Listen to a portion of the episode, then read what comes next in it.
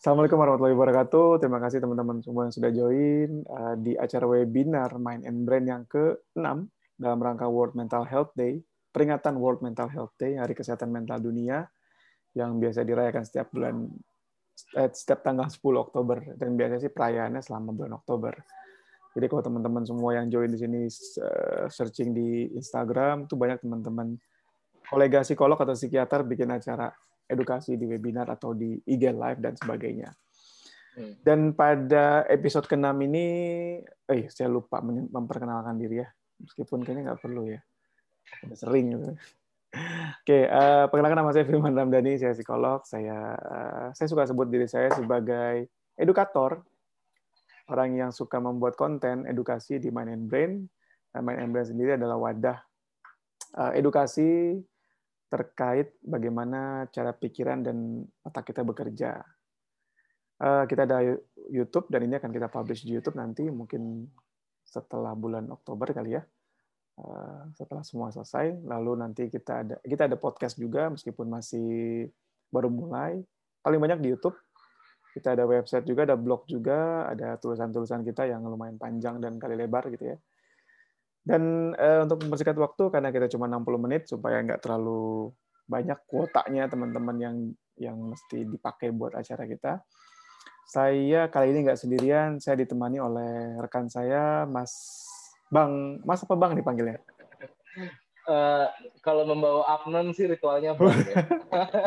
bang Haikal Kamil, Bang Haikal Kamil, apa kabar Bang Haikal? Alhamdulillah baik. Bang okay. Firman. Bang Haikal ini uh, seorang creative planner yang hmm. punya uh, nggak nggak bukan lagi disebut sebagai ini ya sebagai artis kah bukankah public figure ya kalau artis sih uh, kayaknya profesi yang akhirnya tidak lekang oleh waktu cuman hmm. menjadi fokus kali ini adalah seorang creative planner oke okay. Jadi kemarin waktu ditanya, kalau ditulisnya apa? Ditulisnya creative planner aja. Oke. Okay. Jadi sekarang lebih suka di, disebut creative planner ya. Mungkin sedikit kali-kali brief uh, kesibukannya apa sekarang sebelum kita mulai. Oke, selamat malam semuanya. Halo semuanya. Uh, Assalamualaikum warahmatullahi wabarakatuh. Uh, salam sejahtera untuk kita semua. Uh, ha, kesibukannya akhir-akhir ini memang uh, selama lima tahun ke belakang saya lebih banyak membangun uh, karir sendiri di dalam dunia uh, entrepreneurship dan bidangnya memang lingkupnya agak luas ya. Tapi saya coba bikin uh, pagernya adalah di halal lifestyle. Jadi uh, saya bikin di uh, fashion muslim ada tiga ada dua brand yang saya urus. Ada uh, ZM Zaskia Meka sama Bia by Zaskia Meka. Uh, terus yang kedua ada dibilang halal lifestyle uh, untuk skincare. Saya punya Zam Cosmetic.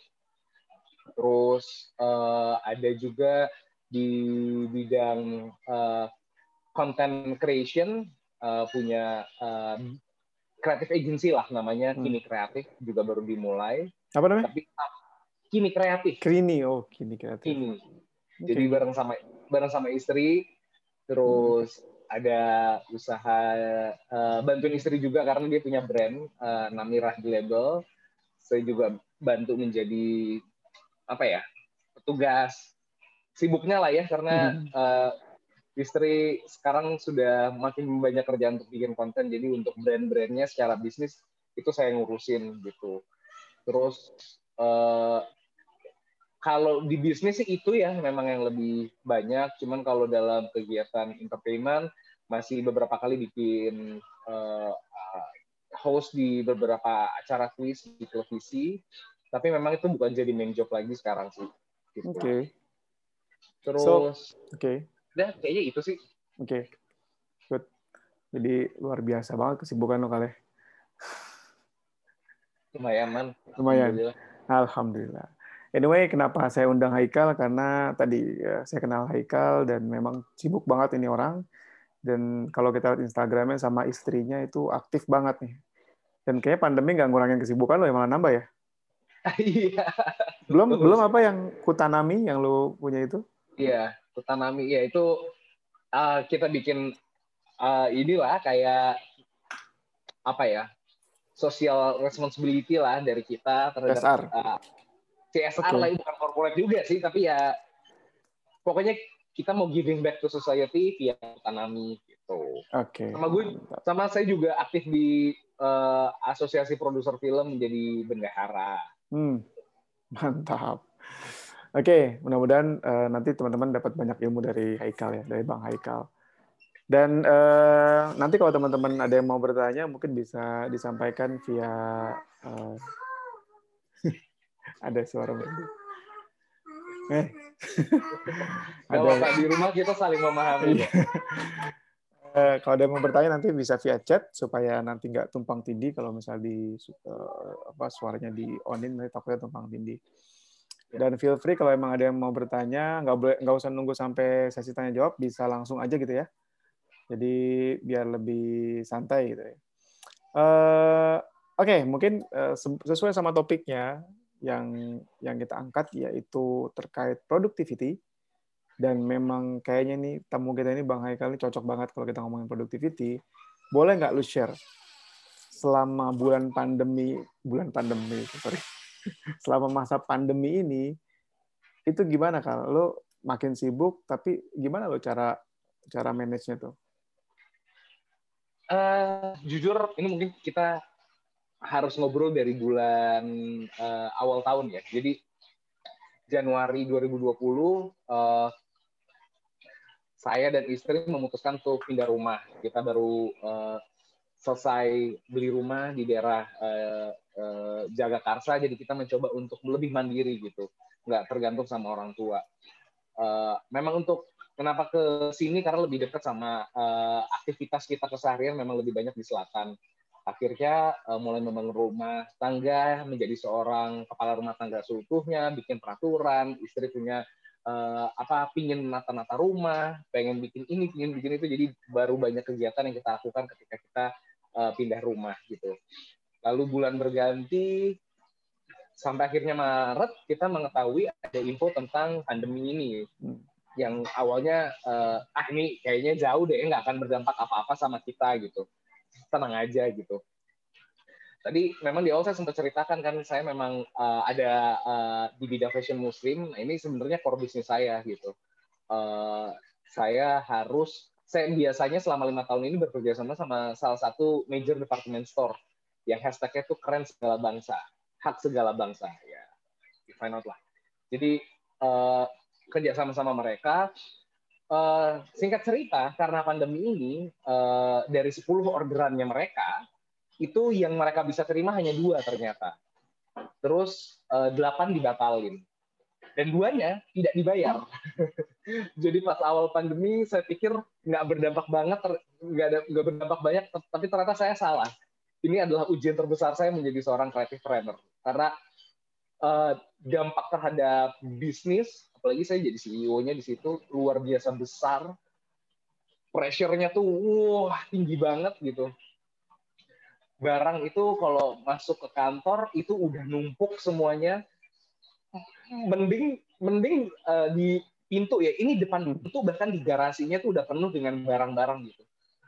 Pada saat hmm. awal tuh stres ngelihatnya. Bahkan uh, karyawan juga ngeliat uh, manggilnya ada yang pak ada yang bang ada yang sal Ini mau diapain barang-barangnya. Kayak mereka pun bingung gitu apa harus dilakukan. Dan menjadi seorang pemimpin uh, kuncinya harus tetap waras sih dalam kondisi seperti ini.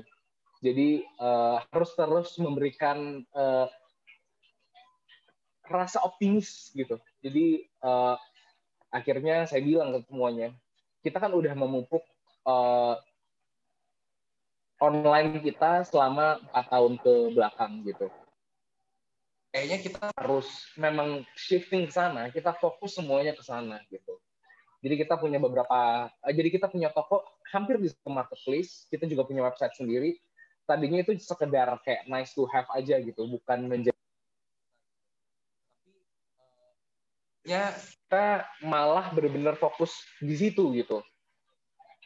Dan uh, ketika perubahan itu terjadi luar biasa sulit di awalnya karena uh, biasanya kita menghandle orderan yang sekali order tuh ngirim langsung eh, uh, 20 karung, ini sekarang kita harus ngambil paket satuan, satu satu hmm. satu satu satu gitu, yang benar-benar merubah pola bisnis kita gitu. Tapi alhamdulillah anak-anak bisa uh, menyesuaikan dengan cepat gitu, uh, dan akhirnya kuncinya ternyata menjadi seorang pemimpin pada saat itu adalah jujur. Jadi uh, saya jujur sama semuanya kalau perusahaan dalam kondisi yang sangat sulit, sangat berat. Jadi saya hanya bisa menggaji kalian berdasar, berdasarkan pencapaian sales kalian. Jadi anggaplah target salesnya itu 10 gitu. Kalau ternyata uh, pencapaiannya hanya 8, berarti kalian hanya digaji 80%. Okay. Kalau kalian pencapaiannya di atas 10, saya akan gaji full. Gitu di awal anak-anak agak ya kok gitu ya kok gitu. Oke okay, tapi saya kasih satu condition. Saya nggak akan pecat satu pun di antara kalian. Kecuali kalian memang nggak perform ya. Bukan nggak pecat karena saya mau efisiensi nggak saya nggak akan lakukan itu. Nah di situ akhirnya ada mutual trust tuh. Jadi dari karyawan trust terus saya juga ngasih trust ke mereka dan mereka akhirnya punya rasa tanggung jawab gitu. Kayak uh, yang kita lakukan ini memang benar-benar untuk mempertahankan kemaslahatan hidup orang banyak gitu jadi uh, bayar. Jadi di awal-awal memang perkembangannya tuh salesnya naiknya dua kali lipat. Stabil. Commute kah? Oke. Okay. Oke. Okay. Abis itu salesnya naik dua kali lipat, abis itu naik ketiga kali lipat. Bahkan sekarang kalau dibandingin sama awal pandemi, salesnya tuh udah naik empat kali lipat. Jadi ternyata memang eh, apa ya? Ternyata memang kalau dibilang uh, pandemi ini membawa dampak besar, iya. Tapi memang ini memberikan peluang sebenarnya. Jadi uh, dari sebuah masalah tuh kita harus cari titik uh, solusinya tuh apa gitu. Jadi gimana caranya kita bisa adaptasi dengan keadaan itu. Dan okay. uh, saya pun ketika menjalankan ini sebenarnya banyak penyesuaian. Ada beberapa uh, apa uh, karyawan yang benar-benar minta full WFH. Berarti kalau dari bulan Maret ini ada sekitar uh, tiga orang. Tiga. Hmm. tiga orang minta full WFH. Bayangin dari bulan Maret sampai detik ini nggak pernah masuk kantor sama sekali. Hmm. Tapi ya kita sekarang akhirnya trust kasih trust ke mereka. Ya udah nggak usah masuk kantor, tapi uh, saya percaya kalian bisa kasih result yang terbaik. Gitu. Ya udah akhirnya mereka dikasih tanggung jawab seperti itu. Ya udah mereka buktikan mereka tetap bisa produktif, masih bisa kasih kontribusi yang di kantor pun kita kasih jadwal kita sempat cuma 30 persen terus sempat 50 persen terus sekarang udah udah uh, masih 50 persen sampai 70 persen gitu. Jadi uh, udah mulai penyesuaian lagi gitu. Tapi ya itu sih memang awalnya nggak mudah untuk uh, bisa produktif di tengah pandemi ini. Tapi memang perlu uh, apa ya uh, kita perlu berpikir realistis dan perlu jujur sih sama orang-orang yang terdekat okay. sama kita. Kalau berarti sebenarnya justru kalau yang dari pengalaman lu yang gue highlight tadi sebenarnya lebih berat justru di uh, bisnis lo ya. Ya. Justru adaptasi karena sebenarnya gini kal, ketika ya. pandemi ini kalau gue diminta banyak ngisi seminar, gue selalu ya. meng-highlight sebenarnya uh, ini kan sebenarnya cuma uh, bagaimana kita bisa beradaptasi apa enggak kan gitu ya. ya Cuma gimana biasanya lo ngelakuin sesuatu di luar terus lo tarik ke dalam ke rumah. Adaptasi hmm. dari dari work workspace-nya di rumah uh, yeah. terus dari uh, activity, daily activity-nya lo, lo intinya semua itu sekedar beradapt bukan sekedar ya. Intinya tuh main main course-nya itu adalah adaptasi. Nah, kalau dari lu sendiri secara daily rutin, tadi kan lu bahas mengenai bagaimana lu ngambil uh, apa kebijakan untuk uh, adaptasi di bisnis. Nah, hmm. kalau secara daily rutin yang uh, sebenarnya uh, berimpact sama ke, apa schedule lo sama kemampuan lo nanti maintain lo tetap aktif tetap produktif yang gue lihat dari Instagram lo pagi-pagi pasti olahraga hmm. terus siang-siang ke, ke kebun gitu kan hmm. nah itu gimana kalau lo uh, so far kalau dari kan 8 bulan ya kurang lebih ya dari kalau hmm. bisa kita hitung dari Februari ya lo masih ada kesulitan atau di bulan berapa lo udah mulai bisa enjoy atau udah bisa catch up sama adaptasinya gitu? Jadi uh, saya terbiasa tuh untuk bikin scheduling. Jadi sebelum kita uh, sebelum pandemi lah ya, pokoknya dari dari zaman dulu kuliah udah terbiasa bikin namanya weekly schedule. Jadi setiap hmm. minggu tuh ada hal-hal yang memang harus dilakukan. Dan itu dibagi tuh biasanya berdasarkan urusan apa. Oh ini urusan keluarga. Oh ini urusan kerjaan. Oh ini urusan syuting. Oh ini urusan uh, apa organisasi. Oh ini urusan mau uh, olahraga misalnya. Jadi memang setiap minggu sudah terbiasa membuat scheduling gitu dari dulu. Nah, ketika pandemi ini ngehit, awalnya memang terjadi uh, ketidakpercayaan ya. Ini masih bisa nggak ya gue mengimplementasikan ini semua gitu. Jadi hmm. ketika ketika uh, uh, ketika memang ini terjadi, memang awalnya tuh gue termasuk orang yang cukup rada nekat karena kali ya. Jadi karena berpikir kalau gue terus di rumah kayaknya nggak bisa uh, selesai nih semua kerjaan gue gitu. Jadi akhirnya gue tetap berani untuk olahraga muter uh, muter uh, ke lingkungan gitu. Terus karena uh, ke kantor itu juga dibatasin kan karena nggak bisa setiap hari ke kantor kan karena memang harus di rolling sama karyawan kan. Jadi uh, hanya bisa seminggu dua sampai tiga kali ke kantor. Jadi di rumah juga kayak walaupun memang ada kegiatan to do udah cukup padat cuman kan bingung ngapain lagi gue ya gitu. Akhirnya terpikirlah untuk memanfaatkan area tanah tanah keluarga yang ada di pojok rumah gitu. Hmm. Jadi kayak di komplek ini ada uh, ada tetangga-tetangga terus ada satu tanah di pojok yang memang belum dibangun gitu. Terus uh, awalnya sama Namira berpikir kayak uh, nanti tanahnya kita uh, apa namanya kita rapiin deh ya. Cuman buat kebun apa ya gitu.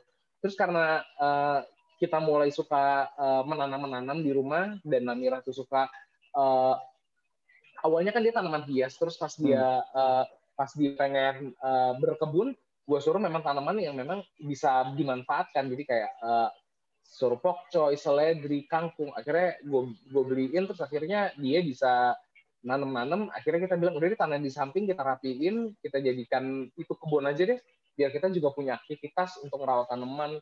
Karena awal jadi ini isunya awalnya kenapa akhirnya kita nanam karena hmm. kita baca berita uh, bahan pangan itu akan sulit. Terus oh, iya, kita iya. ke ke pasar memang susah. Man, hmm. itu sempat ada masa susah nyari sayuran tertentu. Hmm. Jadi ada masa memang kita tuh kayak harus bertahan sendiri gitu. Kayak ini kayaknya serba sulit gitu. Kalau misalnya pun ada pasarnya agak jauh dan ke pasar kan beresiko tinggi gitu. Jadi hmm. kayak wah kayaknya nggak berani deh gitu.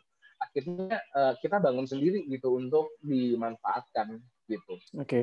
Kal, berarti memang uh, gue kalau kalau gue ngisi webinar, gue suka bilang memang salah satu poin besar itu kita scheduling sih memang. Hmm. Itu biasanya gue gua kasih uh, di poin awal webinarnya, gue ngejelasin bahwa pentingnya lu punya scheduling gitu, which is itu udah lu lakuin dari zaman kuliah ya? Hmm, ya. Oke. Okay. Jadi gue punya aplikasi namanya Google Keep, FYI. Nah. Jadi Google Keep itu kayak uh, kayak bikin kayak Evernote gitu lah ya. Jadi kayak kita bisa bikin tulis kita. Itu menurut gue tuh kayak ada apa pun yang mau kita lakukan tuh kayak to do list tuh ada di sini tuh kayak cek efektivitas ads, terus uh, cek MOM RUPS, terus ini kapan uh, ikan kapan tanya mau mulai pemilihan jual ini, terus uh, apa uh, ZAM harus uh, eh, BPOM, kini kreatif terus ngapain. Jadi setiap minggu tuh kayak ada hal-hal yang memang kayak apa ya menantang diri gitu loh. Hmm. Kayak selalu kayak ayo jangan cuma diem aja gitu. Jadi harus ada tulis karena biasanya karena uh, saya ngerasa diri saya tuh terlalu banyak hal yang dikerjain. Orang tuh selalu komplain, itu tuh kebanyakan deh yang dikerjain. ya memang banyak sih, tapi uh, gue bisa menyelesaikan itu gitu. Karena dari kuliah tuh uh, udah terkenal kalau hmm. dulu ikut kayak organisasi mahasiswa juga nama kayak bem bem gitulah di kampus. Memang tuh kalau meeting gue jarang nongol nggak pernah kelihatan. Cuman gue selalu bilang gini lo kasih gue kerjaan aja. Apa yang harus gue kerjain? Lo email ke gue atau lo whatsapp ke gue dulu BBM BBM ke gue ntar gue kerjain. Pas hari ya ternyata ada aja. Jadi gue dikenal sebagai orang yang kayak walaupun gue nggak hadir secara fisik tapi apa yang gue kerjakan tuh bisa selesai gitu. Dan gue okay. ngerasa ya itu itu menjadi harus walaupun situasi lagi serba nggak nggak ada nggak nggak bisa tatap muka menurut gue itu yang memang perlu harus kita jaga. Betul betul. Sebenarnya benefitnya scheduling itu kita nggak bisa ngeremehin sih. Uh, dan, dan anyway banyak orang ngeremehin itu kal. Jadi hmm. karena memang mungkin kita bukan bukan uh, budaya budaya nulis kali orang Indonesia ya budaya bikin schedule budaya uh, on time budaya teratur gitu kayak bukan Indonesia banget kali. Tapi anyway uh, terkait aplikasi juga sebenarnya banyak aplikasi lu mau mau pakai offline mau yang online gitu ya offline hmm. print sendiri hmm. kalau istri di rumah dia print sendiri dia suka lebih hmm. suka nulis kan kalau gue hmm. pakai ini Notion apa Notion Notion Notion tuh aplikasi juga which is hmm. dia uh, ya nggak kelihatan ya ya pokoknya sebenarnya dia aplikasi productivity juga lo bisa hmm. bisa bisa bikin uh, to do list lo bisa bikin notesnya lo bisa bikin macam-macam deh lu kalau search di YouTube itu banyak banget ininya. Uh, well noted. Notion. Serunya kayak misalnya apa ya gua gua matiin dulu kali ini ya. Uh, virtual background gua biar enggak biar enggak ini backlight. Oke. Okay. jadi uh, misalnya ini nih gue kerjaan gue ya.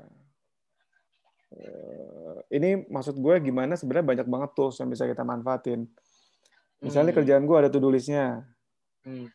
Sama gue sosok sibuk aja kal. Terus Enggak lah sibuk. Terus serunya dia kayak kayak patch website gitu kalau lu klik misalnya gue main brand gue klik uh, nyambung ke page ke, nyambung ke page lain terus gue klik ini terkait YouTube. Oh. Gue klik lagi ada page-nya lagi gitu. Oh ini gue mau oh, bikin konten okay. investasi diri di investasi diri di mental health gue lagi mau bikin konten tuh di YouTube. Nah, okay. dalam seru seru banget seru banget. Which is itu direkomendasiin sama beberapa youtuber productivity sih di di mana di uh, YouTube. Kan banyak yang tapi rata-rata orang yang dari ini dari luar yang yang luar mana? Luar Jakarta? Luar negeri. Oh luar negeri. Ya yeah, anyway balik lagi ke scheduling. Gue punya gue selalu ngajarin gini. Uh, prinsipnya cuma kayak kita belanja ke pasar. Kalau hmm. lo belanja ke pasar lo nggak buat catatan itu lu akan butuh effort pertama buat inget apa yang mau dibelanjain. Lu wasting time di situ terus pasti yang banyak yang lupa ya enggak hmm. tapi ketika lu buat catatan itu meminimalisir uh, energi lu terbuang cuma buat nginget. Dan lu hmm. kan uh, kemungkinan banyak yang nggak ke checklist juga. Sama kayak to do listnya gua gitu banyak yang nggak ke checklist. Tapi paling enggak kita terbiasa uh, apa namanya uh, mengelis apa yang mau kita lakukan setiap minggu itu. Dan uh, itu satu. Dan nomor dua nggak tahu ini kalau menurut lo uh, apa namanya applied nggak sama lo. Gue selalu kasih uh, di webinar tuh gue selalu bilang start from low, mulai dari yang kecil. Karena ini kan lo beradaptasi dari yang selama ini di luar lo ke rumah nih. Artinya banyak hal yang mesti lo mulai baru kan. Mm-hmm. Misalnya aja Misalnya aja lu belajar sendiri, tadinya lu mesti belajar tuh ada gurunya, lu mau nggak mau mesti baca buku sendiri misalnya. Misalnya, kalau lu nggak mulai dari hal yang kecil, itu pasti secara mental lu udah udah kelelahan duluan. Hmm. Gue suka kasih analogi kayak misalnya lari, lu kan suka lari juga kan? Hmm. Kalau misalnya lu kita baru pertama kali lari nih, terus uh, lari pertama besok gue lari deh, lari pertama itu langsung satu kilo. Hmm pasti bisa cuma capek ya gak? Hmm. cuma capek nah pas besoknya lu mau mulai lagi itu yang kemarin udah kebayang tuh udah ada asosiasi antara lari sama sesuatu yang gak menyenangkan hmm. akhirnya lu cenderung ya bahasa orang mental block lah Nah, hmm. kalau di, eh, di di di apa di psikologi di terapi yang gue pelajari kita tuh mulai dari standar yang paling kecil yang yang paling bisa kita mudah, nggak susah, nggak keringetan banget, karena supaya kita membentuk asosiasi bahwa lari itu mudah, lari itu hmm. gampang. Hmm. Bahasa kita itu membentuk self efficacy kan. Hmm. Jadi lu yakin pas lu mikirin besok lu mau mulai lagi, oh udah ada asosiasinya gampang. Gitu. Kalau lu pernah kayak gitu nggak? Lu pernah, lu ada yang lu mulai banget dari nol nggak selama pandemi ini? Berkebun itu mulai dari nol sih karena sebelumnya gue nggak pernah berkebun tapi lu nggak boleh langsung di kebun yang gede kan enggak lah itu dari pot yang kecil dari kayak uh, pot, abis itu beli tresme, terus buat pot yang memang agak besar. Semua awalnya dari uh, yang kecil-kecil dulu sampai akhirnya kita putuskan untuk kita pengen yang lebih luas tanahnya. Oke. Okay. Terus uh, juga kayak pas uh, uh, ngajarin anak gitu ya, ketika memang lagi pandemi gini gitu, akan susah sekali kalau misalnya uh, kita meninggal ketika dia harus belajar online. Anak umur 2 tahun 10 bulan, bayangin aja harus belajar online depan laptop sejam nggak mungkin banget gitu kayaknya dia iya, duduk yeah, diam gitu. Jadi dia akhirnya sekarang kita kasih lihat gitu, kita duduk depan laptop, kita kasih lihat depan dia gitu. Ayo Hawa, lihat ya ayah lagi di depan laptop, ayah lagi kerja nih sekarang gitu. Jadi dia kita kasih lihat contoh dulu kayak oh nih uh, kalau ayah tuh laptop tuh kerja. Terus kalau misalnya uh, aku depan aku terus besoknya dia kita ajak ini sekarang uh, lihat iPad ya gitu karena juga memang kan dia dari kecil nggak kita kenalkan sama gadget sebenarnya. Woi mantap. Kita menghindari banget dia untuk main gadget gitu. Terus cuman kan pas pandemi ini ya mau nggak mau lah akhirnya harus mau, pakai gadget mau. kan. Betul betul. Akhirnya uh, kita longgarkan ya akhirnya dia sekarang sudah mulai bisa main iPad. Ya ada beberapa positif dan ada beberapa negatif. Positifnya dia tetap masih bisa sekolah online uh, beberapa bulan lalu Uh, terus kalau yang uh, negatifnya akhirnya sekarang dia kalau malam minta main iPad untuk gambar-gambar, untuk denger lagu. Gitu. Ada dampak positif dan negatifnya sih. Oke. Okay. Iya karena kemarin aja gua anak gue juga yang playgroup sama TK kan Zoom juga. Nah, hmm. tapi ada menarik nih. Ini mau gue kasih feedback juga ke gurunya. Jadi Zoom itu kan, gue lagi bahas Zoom fatigue. Uh, Apa tuh? Kelelahan Zoom. Oh, oke. Okay. Gue lagi sempat bikin tulisan tuh di medsos. Nah, gue lagi mau gue bikin tulisan yang lebih komprehensif. Jadi, uh, make sense sih, karena ketika lagi Zoom, ini kan kalau gue nggak spotlight, uh, orang-orang, dan nggak gue mute, itu otak kita ini seakan-akan beranggapan kita lagi ngobrol sama sekitar ini berapa orang nih? Sekitar 12 orang. Hmm. Apalagi kalau lu pakai gallery view itu seakan-akan otak lo menganggap lo lagi ngobrol sama 12-12-nya. Atau kalau misalnya ada 80 orang, ya 80-80-nya. Mm-hmm. Which is kalau lagi di, di publik, bisa kita ngobrol berdua, lo cuma fokus sama gua, yang belakangnya itu blur gitu. Atensi mm-hmm. atensi lo cuma ke satu orang, yang lainnya itu blur. Tapi kalau di Zoom, uh, somehow atensi kita itu seakan-akan kayak lagi ngobrol sama banyak orang. Dan itu melelahkan banget buat otak. Buat uh, konsentrasi, fokus, atensi kita itu melelahkan banget makanya hmm. uh, eh, gue setuju sih di TK di TK anak gue tuh uh, gurunya aktif nge-mute jadi kalau udah berisik hmm. di mute nah mau nggak mau orang tuanya kan masih ada di situ pas anaknya ditanya iya. Fatih masih kita masih nampingin kan iya iya, iya benar terus uh, apa namanya gurunya kebetulan gue suruh gue minta spotlight dia belum ngerti kayak gitu akhirnya gue yang ngepin sendiri kan bisa kita pin sendiri kan hmm. pin muka jadi yang kemuncul cuma muka gurunya doang Hmm. Itu meminimalisir uh, distraksi karena buat anak-anak jangan kan buat anak-anak buat kita aja itu too much too much distraction yeah. itu bikin kita jadi uh, lelah secara secara mental. Anyway balik lagi kal. Tapi sebenarnya konsep konsep yang tadi gua gua share benar dong ya. Kalau lo mulai langsung dari tam uh, tanah yang gede, gue pikir lo sama bini lo nggak akan bertahan lama tuh. Mm -mm. Nggak nggak bisa. Memang start small sih.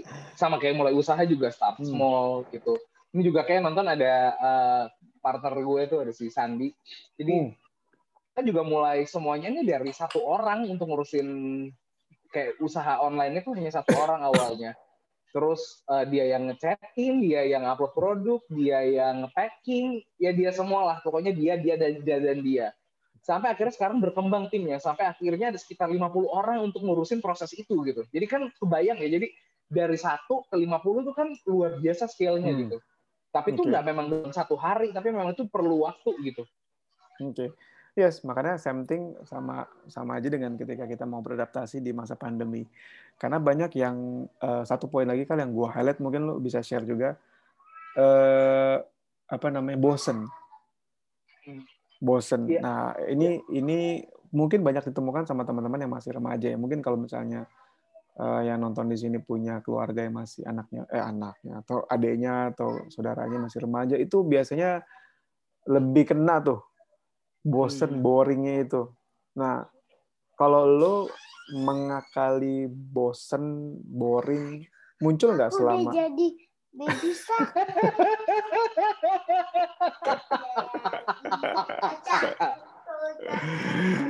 jadi apa deh? Jadi dinosaurus? Jadi apa? Jadi baby shark katanya. Oh, baby shark. Oke. Gimana kan lo kalau buat buat mengakali eh, jenuh gitu ada lo muncul nggak sih jenuh selama. Wah, iya sih, Eh, man. Jadi eh, selama ini kayak udah udah berubah ya. Awalnya sangat formal saya, terus akhirnya sekarang gue lo, jadi kayak santai aja lah ya kita. Jadi eh, eh, apa namanya? Gue tuh termasuk orang yang nggak bisa diem, pengen selalu sibuk. Itu bukan dari bukan dari sekarang, itu dari zaman dulu pun udah seperti itu. Selalu pingin punya kegiatan. Nggak bisa tuh diem di rumah. Kalau keluarga gue pasti udah paham banget lah, Haikal tuh nggak bisa diem di rumah? gitu. Selalu ada aja yang pengen dikerjakan di luar. Bahkan kayak hari minggu aja eh libur ya potong rambut deh. Eh ini ke sini eh yuk. jadi kayak selalu ada kegiatan yang pengen dilakukan gitu. Nah ketika memang harus di rumah deng wah itu luar biasa sih. Bingungnya luar biasa gitu. Dan eh, jujur gue bukan perokok aja sampai mikir apa ngerokok ya? Karena udah bosen banget gitu. Sampai ini ngapain lagi sih gue gitu. Sumpah saking ini ngapain ya? Gitu. Sampai udah bingung harus ngapain. Nah tapi ternyata itu kan short term solution lah ya. Maksudnya itu kayak nggak nggak nggak nggak solutif gitu. Hmm. Jadi yang gue lakukan adalah kalau misalnya bosan, gue nelfon, nelfon orang aja, ngajak ngobrol. Gue waktu itu sempat nelfonin kakak adik gue tuh, ya gue temennya satu-satu, apa kabar, nanya aja. Walaupun kayak, kenapa kamu? Ya nggak apa-apa, pengen tahu aja kabar kamu. Bro, kak- kakak Oh, udah gitu, berapa? ya, kakak kakak dia lo udah berapa? Ada kebetulan kan gue tujuh bersaudara ya. Ah. Ada enam orang yang gue telepon. Include bokap nyokap gue gitu. Jadi Hmm. karena gue tuh orangnya, gue gue ngerasa gue orangnya cukup family man sih. Jadi Hmm. gue sering ketemu dan interaksi sama keluarga gue cukup sering. Ketika pandemi begini kan gue sangat dibatasin ya. Bahkan gue dulu kantor gue tuh isinya tuh sehari itu pasti ada gue ketemu kakak adik gue karena kan kita family bisnis ya. Jadi Hmm. pasti ketemu keluarga gitu. Ketika gue begini, eh, ketika awal tahun memang kantor kita pisah. Gue ada di deketan sih, tapi kita beda be- beda sekitar 500 meter lah kantor kita. Hmm. Jadi gue nggak bisa langsung setiap hari ketemu mereka gitu. Itu aja gue kira juga cukup bosen kan anjir ngapain ya? Akhirnya telepon eh, nanya kabar gitu. Iya, Terus eh, nggak tahu ya, tapi gue merasa eh, dalam masa pandemi masa pandemi ini penting banget untuk stay connected gitu sama orang-orang yang memang kita anggap itu penting dalam hidup kita gitu. Oke. Ya Sebenarnya- nggak sih, Man? gimana kalau betul, dari sisi betul. psikolog gimana tuh? Sebenarnya menarik gini kak. Jadi bosan itu sebenarnya emosi negatif. Jadi boredom itu emosi negatif. Ada penelitiannya gini. eh, eh, penelitiannya gini. eh, orang dikasih alat kejut listrik, dia suruh pegang, terus ke- ke- kena kesetrum, terus ditanya sakit nggak? Sakit mau lagi nggak? Nggak mau lah gitu.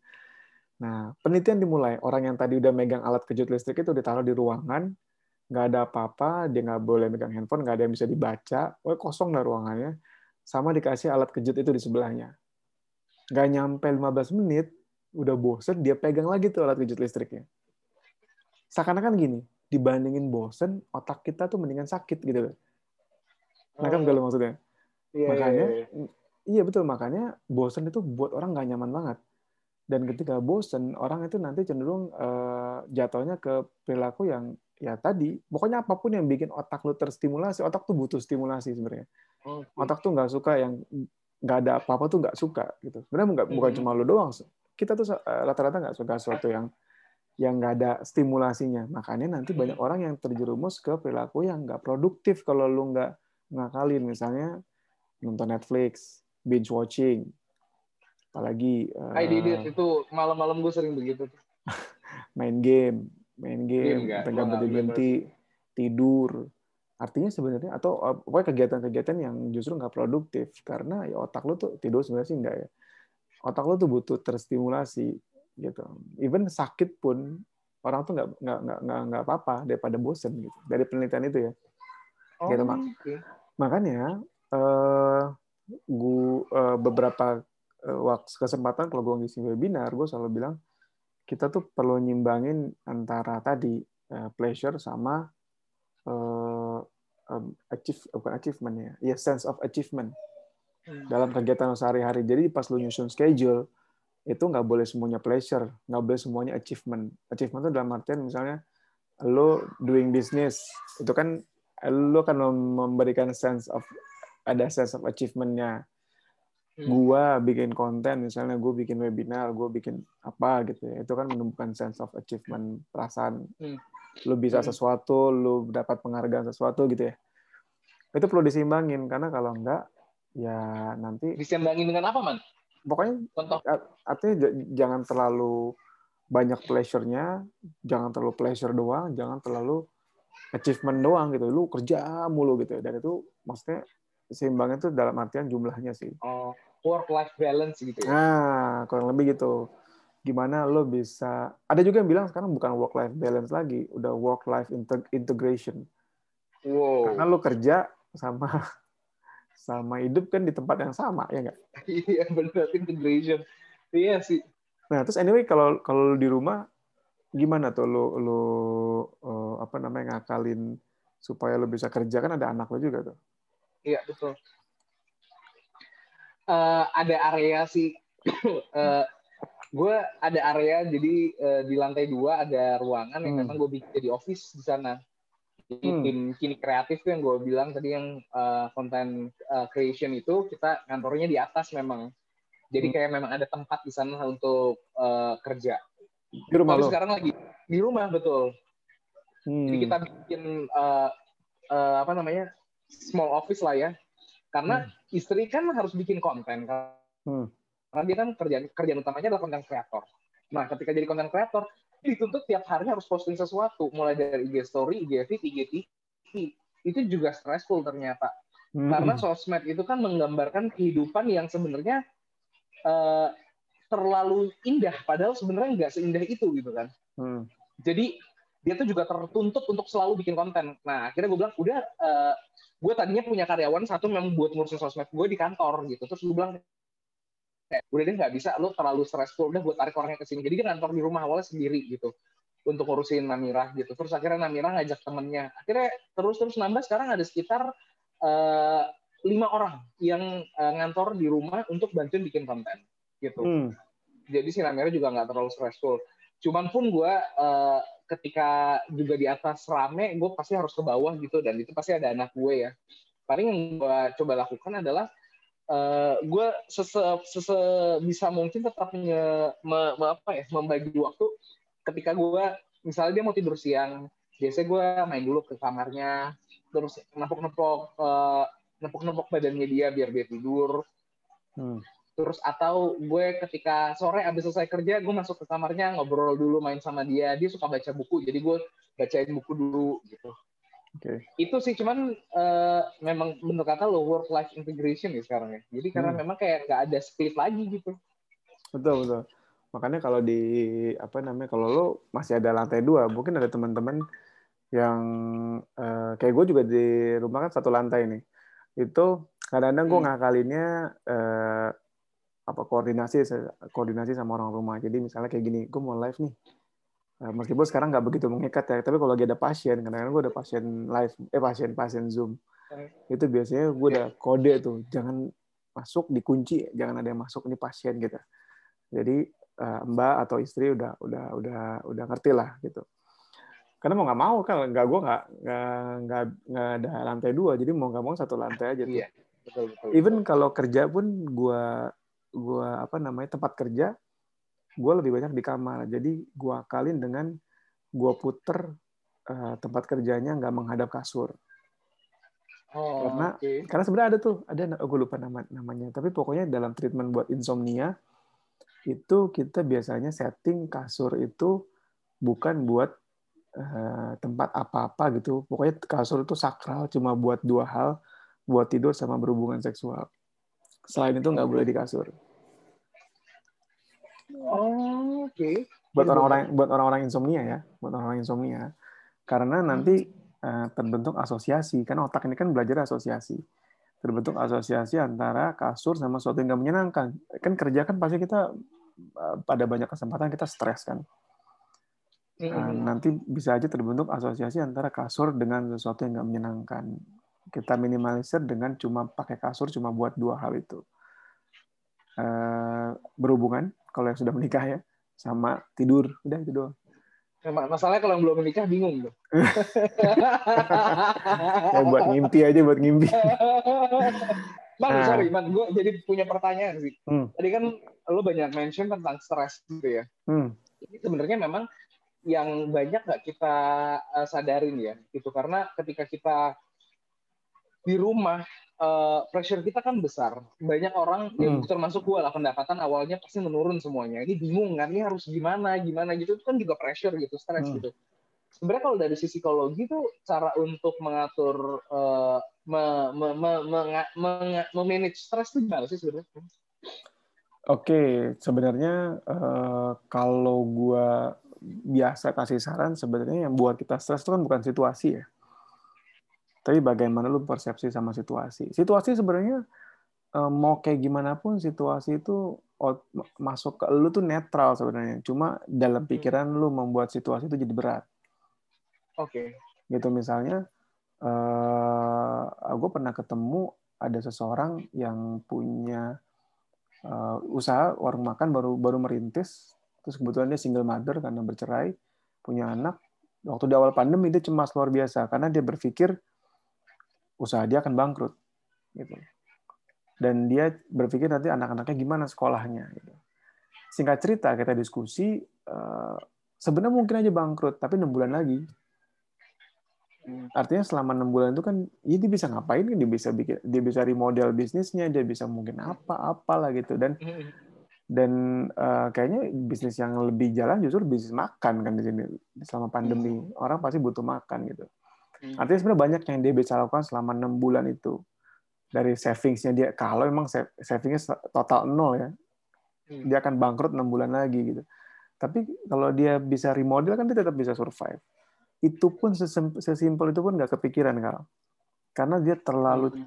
terlalu emosional, dia terlalu khawatir sama anaknya dan dia sudah berpikir the worst case scenario. The worst case skenario-nya adalah uh, kalau dia bangkrut dia masih pindah ke rumah orang tuanya yang which is dia ada konflik sama orang tuanya gitu. Itu yang itu yang bikin dia jadi emosional dan dan susah buat dia keluar dari situ. Kenapa? Karena dia single mother dan uh, dia nggak ada supporting system yang yang buat yang bisa bantu dan nenangin gitu ya. Makanya dia terlalu tenggelam. Even simple step gitu aja dia nggak kepikiran gitu Artinya sebenarnya bukan salah situasinya, hmm. salahnya dia terlalu rigid dalam berpikir. Cara, cara kita merespon berarti. Betul, lu terlalu rigid dalam berpikir. So kalau lu lagi uh, stres itu kan situasi ya. Stres itu kan tekanan. Stres itu jadi jadi jadi bisa menimbulkan emosi negatif yang intens ketika lu terlalu rigid dalam berpikir. Artinya lu terlalu dari satu point of view aja. Udah pasti ini, udah pasti gue bangkrut udah pasti gue repot. Udah pasti uh, udah pasti uh, susah. Susah. Udah pasti ribet. Nah itu udah yang bikin lo ribet. iya ribet ya nak ya? Gitu. Intinya sih gitu. Nanti kapan-kapan kita bahas lah. Di mainan band banyak tuh kita bahas mengenai uh, stress management. Gimana kita kelola uh, stres tadi tuh gue mau nanya apa jadi lupa tuh gara-gara lu nanya Eh, anyway, ada yang nanya nih. Oke. Okay. Kenapa ketika kita WFH, otak lebih terasa capek dibandingkan WFO? Ya, karena tadi ya lo kebanyakan eh, yang menanya kebanyakan meeting, meeting Zoom. Dan Zoom ngeliat Zoom itu kan tadi kita bahas ya, itu membuat lo seakan-akan ngobrol sama banyak orang. Terus eh, apa namanya? Yang kedua lo eh, kita ke minim bergerak semakin minim bergerak, semakin banyak hormon stres. Ketika bergerak, dulu kan which is meskipun kita nggak olahraga ya, tapi kan paling kan lu jalan dari parkiran ke dalam ruangan kan, lu hmm. jalan terus lu jalan ke mana gitu ya, artinya hmm. jalan-jalan terus. Nah itu bagus. Setiap lu bergerak, hormon stres lu tuh turun, namanya kortisol. Hmm. Ketika apalagi kalau Kenapa? Dan selain kortisol, kolesterol juga turun. Betul. Lemak juga turun semuanya. Seluruh. Itu, itu penting tuh. Nah, kita kan sekarang jarang bergerak. Jarang bergerak. Terus makan makan nggak teratur. Karena karena bosen tadi, eh, bosen itu cenderung ingat bosen itu emosi negatif. Emosi negatif itu nanti banyak penelitian menyebutkan membuat lu cenderung nanti lebih tertarik sama makan makanan yang enggak sehat, yang manis. Makanya kemarin sempat booming dalgona kan? Iya. Yang manis, yang yang yang gurih-gurih, yang berminyak, yang ya tepung-tepungan gitu. Nah, semakin lu makan itu, semakin justru lu buat buat mood lu tuh uh, turun, buat lu tuh jadi susah termotivasi. Sama mungkin ini kalimat ya, ketika kita meeting langsung, ada diskusi-diskusi informal gitu loh. Ada pertemuan informal, basa-basi yang memang hmm. ketika kita Zoom tuh banyak kan nggak ada gitu loh. Langsung Jadi... Zoom kan lebih kayak straight to the point kan, karena waktunya terbatas biasanya kan hmm. kayak 40 menit ya, jadi ya udah ngomongnya apa poin-poin aja gitu.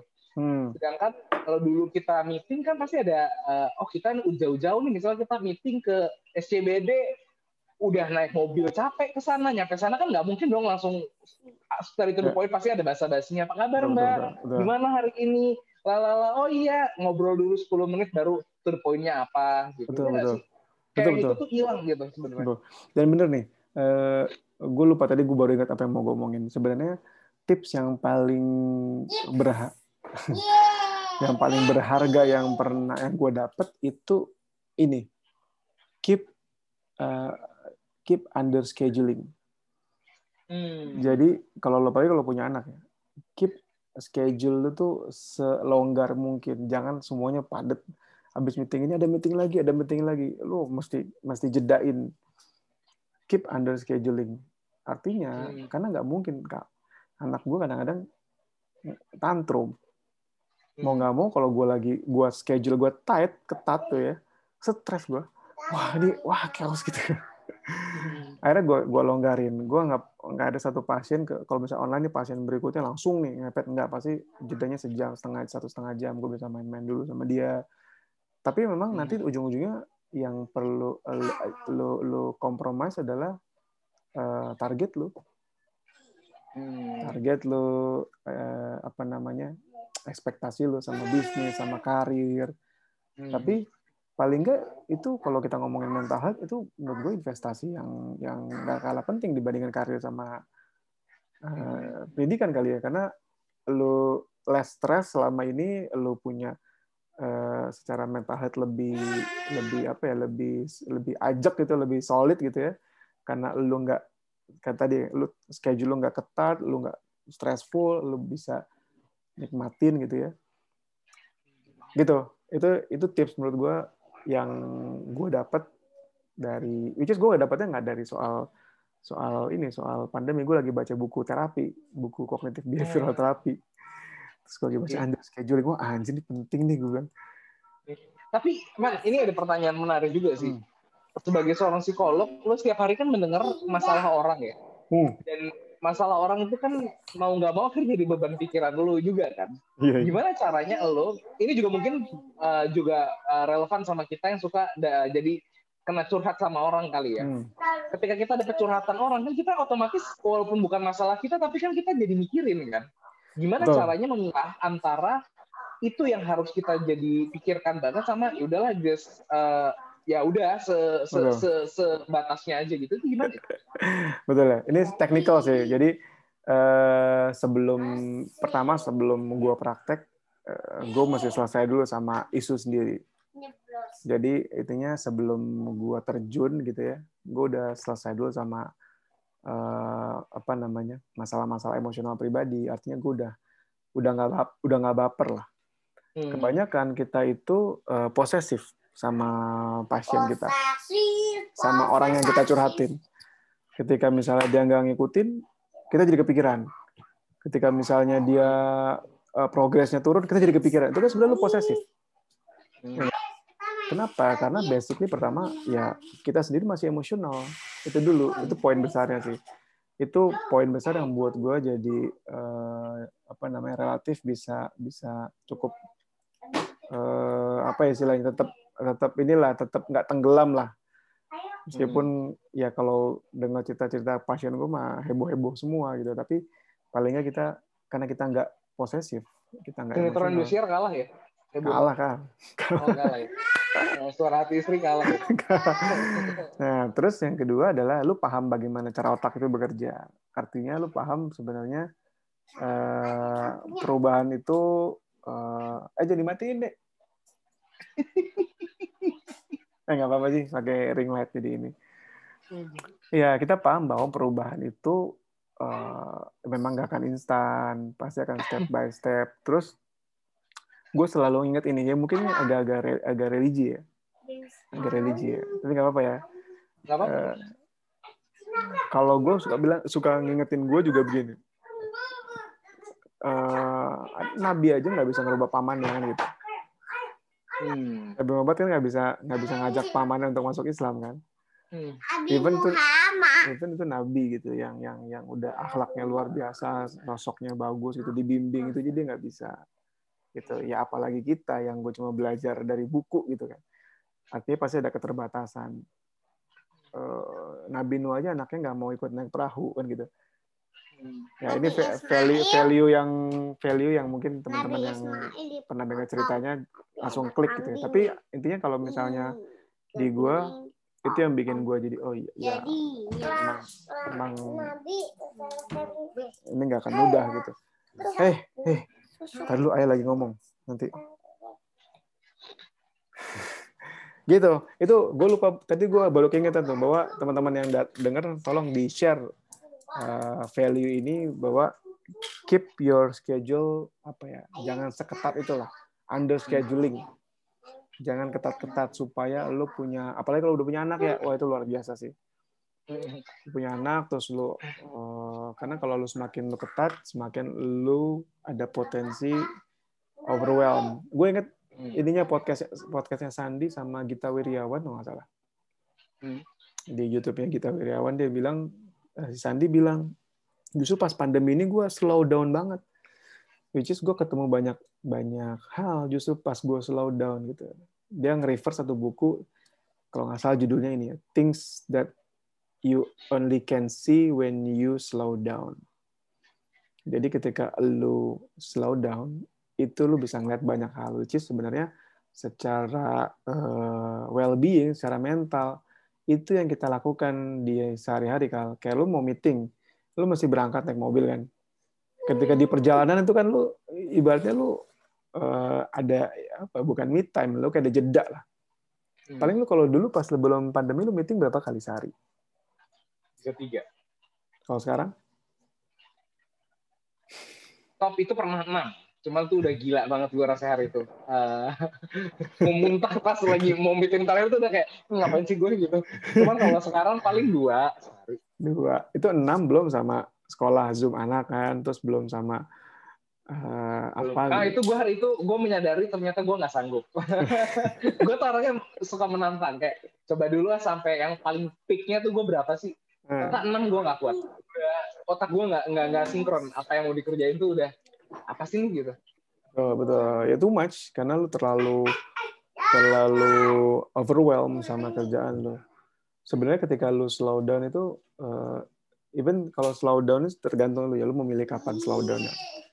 Kalau gue lebih senang slow down itu udah malam. Artinya kalau udah mulai sore itu uh, sorry bukan sore dari pagi sampai siang sorry gue slow down. Karena anak-anak waktunya sekolah kan. Itu bagi gue slow down. Jadi gue nggak mikirin kerjaan tuh handphone gue nggak buka. Jadi kalau ada pasien gue WhatsApp gue nggak pernah buka. Udah gue temenin bocah-bocah sampai selesai makan siang. Uh, which is lama banget tuh. Baru tuh habis itu gue uh, pasien atau gue berangkat ke rumah sakit uh, praktek kalau lagi jadwal praktek atau ya udah gue nulis. Hmm. gitu. Dan itu berlangsung sampai uh, maghrib maghrib udah. Berhenti lagi kan namanya bocah-bocah lagi kan ngaji sholat segala macam tuh. Sampai tidur. Ini karena karena ada lo aja gue gue relain deh buat lo. Gak padahal gue yang minta ya. Nggak, nggak, tapi tadi menarik juga sih. Gue jujur agak kerasa kehilangan me time Hmm. Jadi ketika dulu gue, uh, dulu kan gue tinggal di daerah Bekasi ya. Terus gue kantor di daerah Jakarta Selatan. Setiap hari tuh gue commute itu bisa dua jam sampai tiga jam. Gue tuh hmm. seneng banget dengerin uh, berceramah atau podcast atau video informasi via YouTube gitu yang gue play aja jadi gue cuma denger suaranya gitu hmm. terus sambil gue mikir tentang hal gitu eh itu sebenarnya gue hilang ketika pandemi ini karena kan kita less commune kan jadi jarang hmm. berpergian kan itu yang gue jadi jarang eh, agak kehilangan gitu momen betul, untuk berpikir. Nah itu tuh kayak yes yes betul betul. Gue tuh ngerasa memang ketika gue mobil karena kan mobil gue suka otomotif jadi ketika mengendarai mobil tuh gue seneng gitu. Jadi gue selalu ngerasa ini pleasure gue gitu. Gue seneng bawa mobil. Terus itu gue ketika gue lagi bawa mobil gue jadi kepikiran A B C D F G ngeliat hal ini eh, lucu ya ini gini gini itu yang gue hilang sebenarnya dalam pandemi ini tuh. Agak sedikit. Betul betul. Makanya kayaknya mungkin kalau gue kita bilang productivity itu lu mesti doing much gitu lu ngelakuin banyak hal supaya lu hasilnya banyak kayaknya nggak begitu ya. Justru lu doing enough kali ya. Doing enough lu punya enough time buat jeda lu punya enough time buat uh, personal uh, sama anak-anak dan seterusnya. Itu uh, apa namanya justru bikin lu productivity lu justru lebih lebih naik kali ya. Anyway ada yang tanya nih eh mau siapa yang nanya apa dari Mas Omar nih. Tadi kan sempat dimention sama Om Firman. Om Firman uh, there's a sort of association in the way our our brain works. Nah, kan kita kerja di rumah. What will be the best way to segregate our mindset between work and non-related? Karena kan areanya di rumah, apakah scheduling cukup atau we do need to set an area at our house to put the distinction. Oh, tadi udah dibahas. Betul, bisa. Kalau di, bisa set area di rumah buat kerja, itu bagus banget tapi kan nggak semuanya punya punya fasilitas itu ya nah tadi Haikal di lantai dua ya kali ya Iya. Kalau gue di rumah uh, di kamar tapi uh, nggak ngadep kasur kadang-kadang atau kita bisa atau misalnya gue kadang-kadang pindah-pindah kata hmm. karena ini uh, brand trick juga jadi otak itu ingat ya otak itu butuh stimulasi otak itu butuh butuh apa namanya uh, apa ya, ya stimulasi lah nah hmm. salah satu yang bikin otak kita terstimulasi itu adalah uh, dopamin namanya nah dopamin itu itu kayak hormon atau zat kimia yang kaitannya sama motivasi lo di otak lo lah. Itu itu bisa ter sekresi keluar di otak kalau ada keterbaruan. Ada novelty kalau bahasa Inggrisnya. Setiap ada keterbaruan, itu otak lu kayak eh, banjir dopaminnya. Ketika banjir, lu jadi termotivasi. Sama kayak gadget, misalnya eh, sama kayak Instagram. Instagram itu kan yang bikin lu adiktif sama Instagram karena informasi baru-baru terus. Nah, dulu Instagram tuh ada mentoknya kalau scroll, bener nggak? Iya. Nah, sekarang nggak ada. Jadi setiap lu scroll, scroll, scroll, scroll, nggak berhenti-berhenti tuh. Artinya lu, lu kasih informasi baru, informasi baru, informasi baru, itu itu buat lu jadi eh, apa namanya ke hook di situ. Nah, kalau kerjaan gue juga sering gitu. Jadi supaya gue eh, ada dorongan motivasi gitu ya. Gue suka doing the the apa novelty gitu ya, apa keterbaruan itu tadi. Misalnya gue sekarang kerja di kamar, next gue bawa laptop gue kerja di taman. Next gue kerja di sono gitu ya. Next gue uh, kerja di mana gitu. Iya tapi menarik sih. Maksudnya, ya lo juga kalau gue lihat lo juga uh, kayak ini kayak nggak ada batasan kan kerja terus ada anak juga. Sebenarnya uh, mungkin bukan cuma uh, tempat sih yang harus kita iniin, tapi lebih ke arah mindset juga kan. Jadi kayak put our mind itu lagi kayak kita siap untuk bekerja gitu. Good. Nah, terakhir kan, uh, karena udah jam setengah sembilan nih. Tadi Mas Omar nanya lagi nih. Terus kalau orang kerja di mana aja, multitask itu bagus nggak ya? Sebenarnya bukan multitask itu ya. Kalau ya, terbiasa kerja di mana itu sehat nggak ya? Terbiasa dengan kepala. Nggak apa-apa sih. Terkerja di mana aja tuh maksudnya kayak tadi pindah-pindah. Nggak apa-apa kok. Asal uh, kita merasa enjoy di situ. Jangan sampai misalnya kita uh, kerja terus di uh, kamar gudang gitu supaya ada keterbaruan. Jangan juga di gudang nggak enak. Atau di WC kerjanya. WC. Kan WC, di WC juga kadang-kadang ada ini inspirasi. Ada, ada. Cuman paling baca buku sih gue kalau di WC. Baca buku. Nah, gitu. Artinya mungkin mungkin itu pertanyaannya. Ketika ketika maksudnya bekerja di mana aja, bekerja di mana aja maksudnya itu kan. Kalau kita iya, pindah-pindah, yeah, yeah. boleh kok. Asal kita merasa nyaman di situ. Sekali lagi itu trik supaya kita merasa uh, apa namanya ada yang baru suasana baru itu bagus. Karena gue punya gue kenal salah satu atlet sepeda namanya Mas Aiman. Itu atlet sea games mas dia juara tuh. Uh, dia di Jogja. Waktu pandemi dia sendirian tuh di base camp. Gue tanya Mas lo gimana nggak bosan latihan sendiri ya biar nggak bosan saya modif mas latihannya kadang nanti hari ini lari eh apa sepeda ke mana Kaliurang besok ke mana besok ke mana besok ke mana gitu jadi banyak tempat-tempat baru ya yang untuk di data game. Tempat baru terus nanti uh, jenis latihannya mungkin sekarang speed, besok apa gitu. Jadi dia mix itu. Dia mix itu supaya dia nggak supaya dia nggak uh, nggak bosen. Which is itu bisa kita iya, iya. lakukan yeah. juga. Mungkin itu kali kal karena sudah malam. Ya, uh, ini eh, terima kasih banyak nih uh, man uh, ada beberapa temen gue juga nonton ada si Yasna orang Surabaya tuh ada Sandi ada yang lainnya sorry gue nggak terlalu familiar namanya tapi terima kasih udah pada nonton diskusi okay. ringan kita pada malam hari ini thank you thank you oke okay, uh, terakhir mungkin mau kasih kesimpulan. Uh, untuk saat ini kita jadi belajar banyak hal kan. Uh, kalau sebenarnya produktif itu bukan dihitung dari segi kuantitas ya tapi lebih kualitas gitu ya. Jadi gimana caranya bukan berapa banyak yang kita kerjakan, tapi hasilnya tuh seperti apa. Karena uh, di masa pandemi ini kita harus lebih uh, output oriented, lebih ke arah apa yang kita hasilkan gitu loh, bukan seberapa banyak yang kita hasilkan gitu. Uh, memang nggak mudah penyesuaian ini, banyak sekali orang yang terjebak dalam pemikiran-pemikiran negatif, selalu merasa nggak bisa, selalu merasa nggak mudah. Tapi uh, gue dari dulu selalu berpikir uh, Allah ngasih uh, ujian ke hambanya pasti ada jalan uh, nggak mungkin kalau di luar kemampuan gitu itu yang gue percaya jadi gue selalu percaya ketika ada masalah pasti ada jalan keluarnya. Tinggal kita mau atau enggak untuk mencari jalan uh, keluarnya. Kegigihan kita seberapa jauh gitu.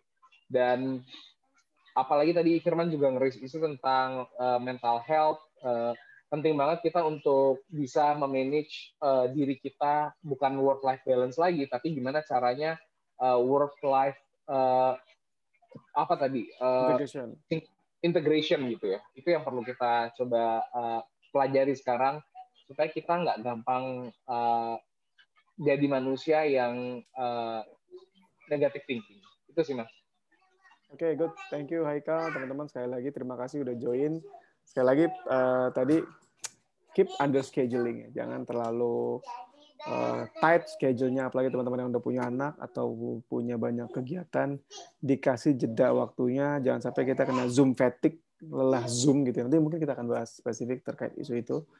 Jangan sampai teman-teman stressful karena kayaknya ya nggak ada yang lebih uh, apa ya bisa menggantikan kesehatan mental itu dibandingkan teman-teman mungkin punya karya tapi teman-teman stres. Itu nggak seimbang teman-teman Mm-hmm. Kalau kata WHO, there's no true physical health without mental health. Jadi nggak ada sejatinya itu nggak ada nggak ada kesehatan fisik yang sejati tanpa kesehatan mental. Jangan sampai kita stres sampai kita akhirnya tenggelam bahkan sampai punya gangguan cuma gara-gara kita terlalu overwhelmed sama kesibukan kita di masa pandemi. Karena eh, produktif tadi kata Haikal bilang bukan kuantitas doang yang kita lihat, tapi juga eh, bagaimana eh, hasil karya kita dan plus kalau dari saya gimana kita tetap uh, punya mental yang sehat. Terima kasih Haikal sekali lagi teman-teman juga terima kasih. Semoga bermanfaat dan kita ketemu di sesi berikutnya. Dan eh, kan... screenshot dong anak-anak jadi kalau mau siapa Oh, oke uh, oke. Okay, okay, biar okay, bisa okay. di sosmed gitu. Berhalo-halo Ria. Oke okay, oke okay, oke. Okay. Screenshot ya. Kalau yang bisa buka wajahnya silahkan ya. Jadi uh, nggak nggak nggak nggak ketutupan. Cuman kalau emang pada nggak mau juga. Oke, okay, sip. Thank you, Kal. Okay. Semoga bermanfaat. Kita ketemu lagi uh, apa namanya di next session. Thank you sekali lagi Kal. Assalamualaikum warahmatullahi wabarakatuh.